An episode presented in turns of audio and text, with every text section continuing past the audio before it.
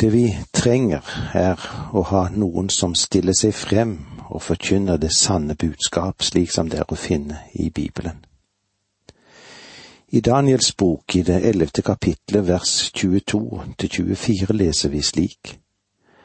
Her styrker feies vekk foran ham og knuses.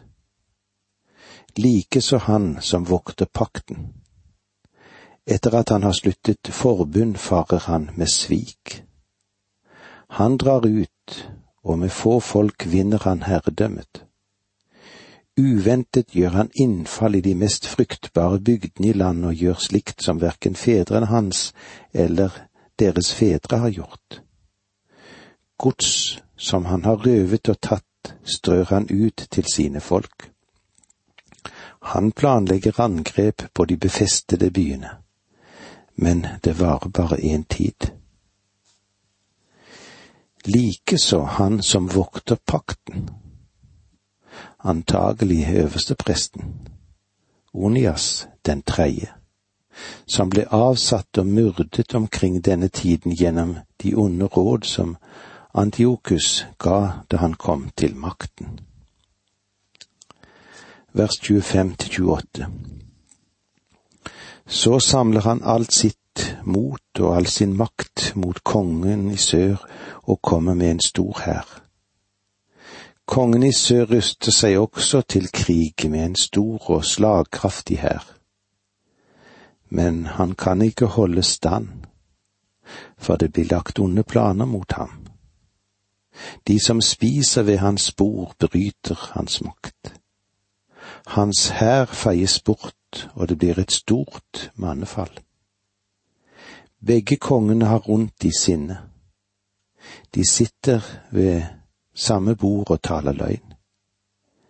Men deres planer lykkes ikke, for enden kommer først til den fastsatte tid. Mens han er på hjemvei med mye gods, legger han planer mot den hellige pakt. Etter å ha satt dem i verk, vender han tilbake til sitt land. Hva med disse versene? Jo, disse versene beskriver Antiokus sitt felttog og hans seier over kongen i Egypt. En seier som ga han mye rikdom og stor prestisje. De som spiser ved hans bord, bryter hans makt. Det henviser til at han var en upålitelig løgner og det forteller at han får igjen med samme mynt som han egentlig ikke kan stole på noen av dem som utgjør hans innerste rådgivere. Ingen avtaler var verdt det papiret de var skrevet på. Versene 29 til 30 Til fastsatt tid drar han igjen mot sør, men denne gangen går det ikke slik som sist for skip fra vest kommer mot han. Da mister han motet, snur om og lar sin herme gå ut over den hellige pakt. Han vender tilbake og merker seg dem som har sviktet denne pakten. Antiokus gjorde det andre felttoget mot Egypt, men lykkes ikke denne gangen på grunn av den romerske marine. Skipene fra vest han brøt sin pakt med Israel, men legg også merke til at noen av jødene forrådte sitt eget folk. Han vender tilbake og merker seg dem som har sviktet denne pakten. Vers 31 Hærstyrker som han sender ut, vanhelliger helligdommen, den faste borg, avskaffer det daglige offer og stiller opp den ødeleggende styggedom. Anitokus gikk til angrep mot Jerusalem i år 170 for Kristus, og ved den anledningen ble mer enn 100 000 jøder drept. Han avskaffet det daglige offer ved tempelet, ofret blod og svineinnvoller på alteret, og satte opp en statue av Jupeter som skulle tilbes på det hellige sted i Guds tempel. Dette var en ødeleggelsens styggedom. Men det var ikke det som den Herre Jesus henviser til som lå i fremtiden da han var på jorden, og fremdeles ligger det i fremtiden. Det er denne styggedom som Antikrist vil sette opp. Antiokus plasserte et bilde av Jupiter på det hellige sted, og Antikrist, han vil antagelig plassere en skulptur av seg selv på dette hellige sted. Vers 32 Den som synder mot pakten, lokker han til frafall med glatte ord men det folk som kjenner sin Gud, står fast og viser det i gjerning. Det er noen få i Israel som spilte Judas' sin rolle, men det var mange som kjente Gud og var sterke og gjorde fremskritt. Det var under denne tidsperioden at Gud oppreiste Makaeber-familien. I år 166 før Kristus startet presten Matatias en revolt mot denne fryktelige bespottelsen. Familien ble kalt makaberene, det betyr hammeren.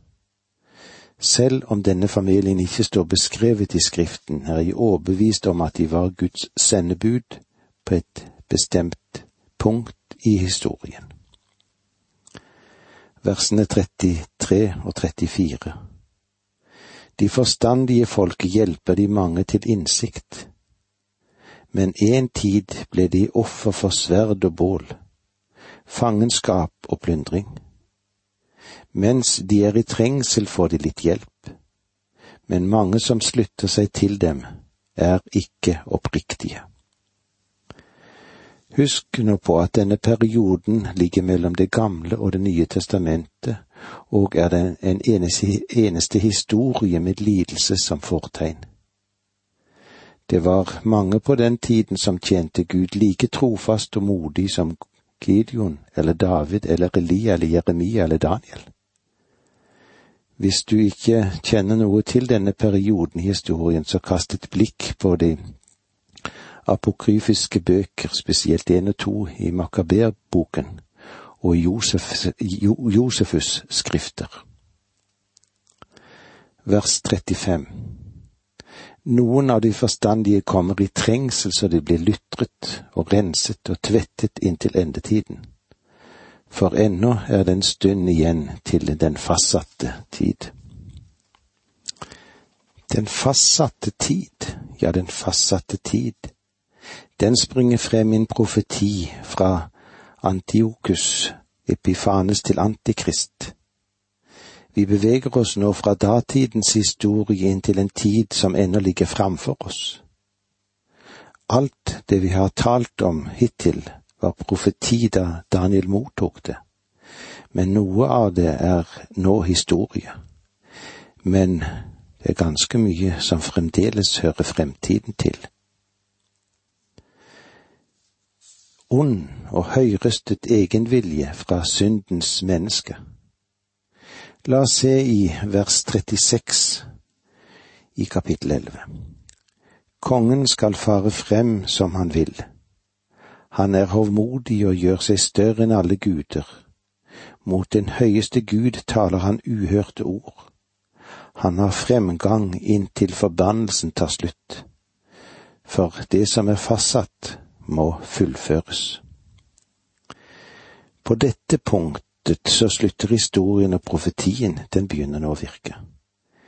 Teksten går veien fra en gemen person til en tvilsom karakter, og overbygger en ukjent spannertid. Antiokus Epifanes var absolutt en avskyelig person, men han kunne ikke måle seg mot kongen som blir beskrevet i versene 36 til 39. Antiokus var en modell for Antikrist, og jeg tror at dette avsnitt i Skriften antyder at Antikrist vil stige frem innenfor de geografiske rammene for det gamle greske imperium. Vi må stoppe her for i dag. Det er vanskelige områder som vi er innom, men de er viktige for oss å ha med oss. Takk for nå, må Gud være med deg. Dette undervisningsprogrammet består av to deler. Åge Nevland fortsetter nå med andre del av dagens undervisning. Vi er inne i Daniels bok, og vi er i avslutningen av denne boken. Vi er i det ellevte kapitlet. Og eh, det vi vil se på i dag, er en ond og høyrøstet egen vilje fra et syndens menneske. Vi beveger oss altså inn i den siste epoke. Det vil fremstå en politisk antikrist, og eh, den blir nevnt her. En hedning som fremstår fra det romerske imperium. Det vil også komme en religiøs antikrist som vil late som han er Kristus, og som vil løftes frem fra Israel. Han vil være som en ulv i fåreklær. Vers 36, kapittel 11. Kongen skal fare frem som han vil han er hovmodig og gjør seg større enn alle guder. Mot den høyeste Gud taler ham uhørte ord. Han har fremgang inntil forbannelsen tar slutt. For det som er fastsatt, må fullføres. Antikrist har mange navn i Bibelen. La meg ta frem en del av dem. I Salme 10, Den gudløse Salme 52 Den mektige mann Salme 55 Fienden Salme 74 Den som vanærer I Jesaja 10 Assur I Jesaja 14 Kongen av Babylon I Jesaja 14 Morgenstjernen I Jesaja 16 Undertrykkeren i Jesaja 22 knaggen. I Esekiel 21 den gudløse ugjerningsmannen. I Daniel den lille horn i kapittel syv. I Daniel 9 fyrsten som konger kommer. I Daniel 11 uslingen. I Daniel 11 vers 36 den hovmodige kongen i Zakaria, hyrden som ikke leter, kapittel 11. Annet Tessalonike brev 2, 3, syndens menneske. Vi leser videre fortapelsens sønn i Tessaloniken 2, 3. Den lovløse i første Johannes 2, antikrist. Eller i åpenbaringsboken så finner vi disse avgrunnens engel dyret. Til disse navnene må vi også legge til Han som kommer i sitt eget navn, som det står om i Johannes 5, 43, og i Daniel 8, 23, Kongen med hardt ansikt, og i Matteus 24, 15, Den ødeleggende styggedom, og så har vi igjen i Daniel 9, 27, Den som herjer. Kongen skal fare fram som han vil. Antikrist har en total egenvilje. Hvor helt annerledes det fortoner seg enn den Herre Jesus Kristus som sa slik i Johannes 5, 30. Jeg kan ikke gjøre noe av meg selv. Jeg hører, og etter det dømmer jeg. Og min dom er rettferdig for det er ikke min egen vilje jeg vil fremme, men Hans vilje som har sendt meg. Han er hovmodig. Det lille horn. Det prøver å bli det store horn. Og igjen må jeg få lov til å si hvor annerledes den Herre Jesus Kristus er enn Antikrist. Paulus skrev om ham, vis det samme sinnelag som Kristus Jesus han var i Guds skikkelse, men han så det ikke som et røvet gods å være Gud lik. Han ga avkall på sitt eget, tok på seg en tjenerskikkelse og var menneskelik. I sin ferd var han som et menneske. Han fornedret seg selv og ble lydig til døden, ja, korsets død, som det står i Filippenserbrevet 2, 5-8 gjør seg større enn alle guder. I 2. Tessalonikerbrev 2,4 skrev Paulus om Antikrist på denne måten. Han er den som står imot og opphøyer seg mot alt som tilbes og kalles Gud. Ja, han tar sete i Guds tempel og gjør seg selv til Gud. Og hvis vi ser i Åpenbaringen 13,8, så står det slik, og alle som bor på jorden skal tilbe dyret. Alle som fra verdens grunnvoll ble lagt, ikke har fått sitt navn skrevet i livets bok hos lammet som ble slaktet. Det er et blasfemisk opprør mot Gud som er kjennetegnet på denne egenrådige kongen som den siste og det logiske uttrykk for humanismen. Han er den typiske representant for alt det som er imot Gud, og det som er i vår gamle natur. Det menneskene av naturen trakter etter, betyr fiendskap mot Gud, for vår onde natur bøyer seg ikke for Guds lov, ja, den kan ikke gjøre det.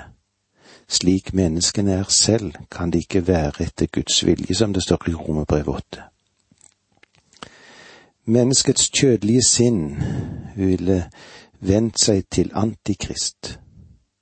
Når mennesket velger sine egne herskere og ledere, hvilket menneske velger de da? Jo, vanligvis en som er lik dem selv. Og det er grunnen til at vi mange ganger får det så bedrøvelig dårlige ledere i verden. Lederskapet i verden gir oss en viss grunn til engstelse, og det er mennesker vi selv valgte.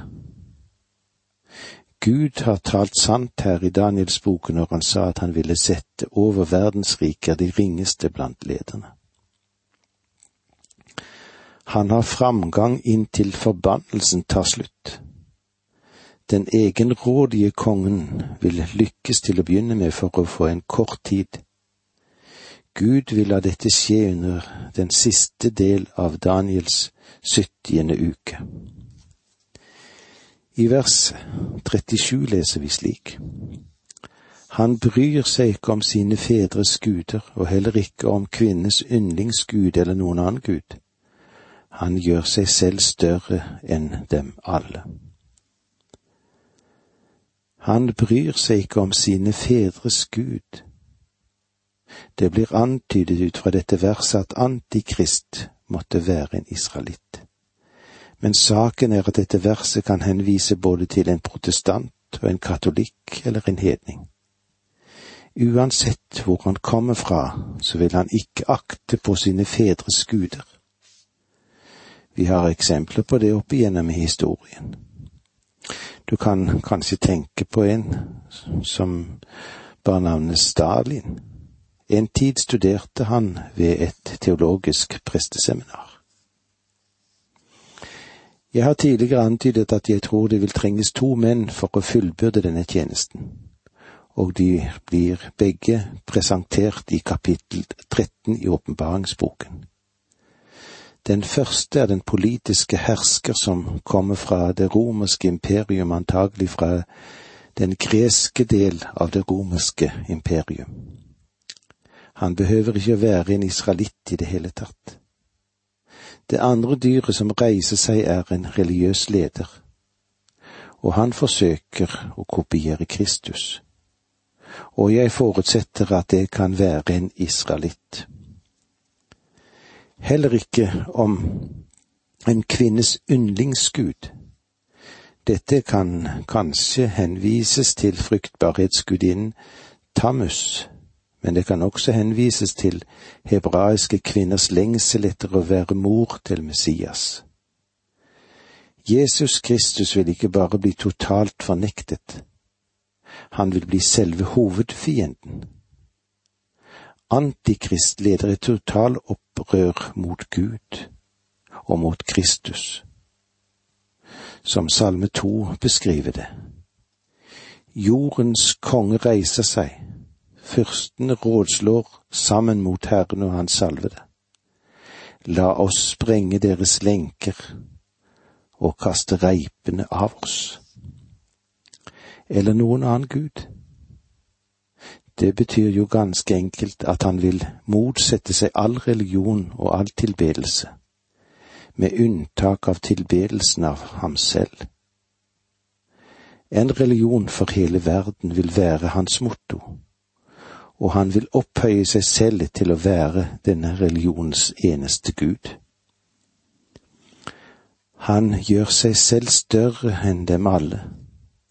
Det er egentlig resultat av kongens absolutte egenvilje og selvforståelse. Hele hans ambisjon, den går i retning av selvopphøyelse. Dette er et fryktelig perspektiv for slutten av den store trengselsperioden. I Åpenbaring 13.15-17 leser vi slik. Det fikk makt til å blåse liv i dyrets bilde, så det til og med kunne tale, og til å la drepe alle som ikke tilba dyrets bilde. Det sørger for at alle små og store, rike og fattige, frie menn og treller får et merke på sin høyre hånd eller på pannen. Og ingen kan kjøpe eller selge uten å ha dette merket, dyrets navn eller det tall som svarer til navnet. Du vil ikke kunne gå ut på en restaurant og spise eller kjøpe en flybillett, eller hvilken billett det måtte være uten dyrets merke. Det blir et virkelig diktatur der hevnen sitter i høysetet. La oss tenke igjennom dette til vi møtes igjen neste gang. Takk for nå, må Gud være med deg.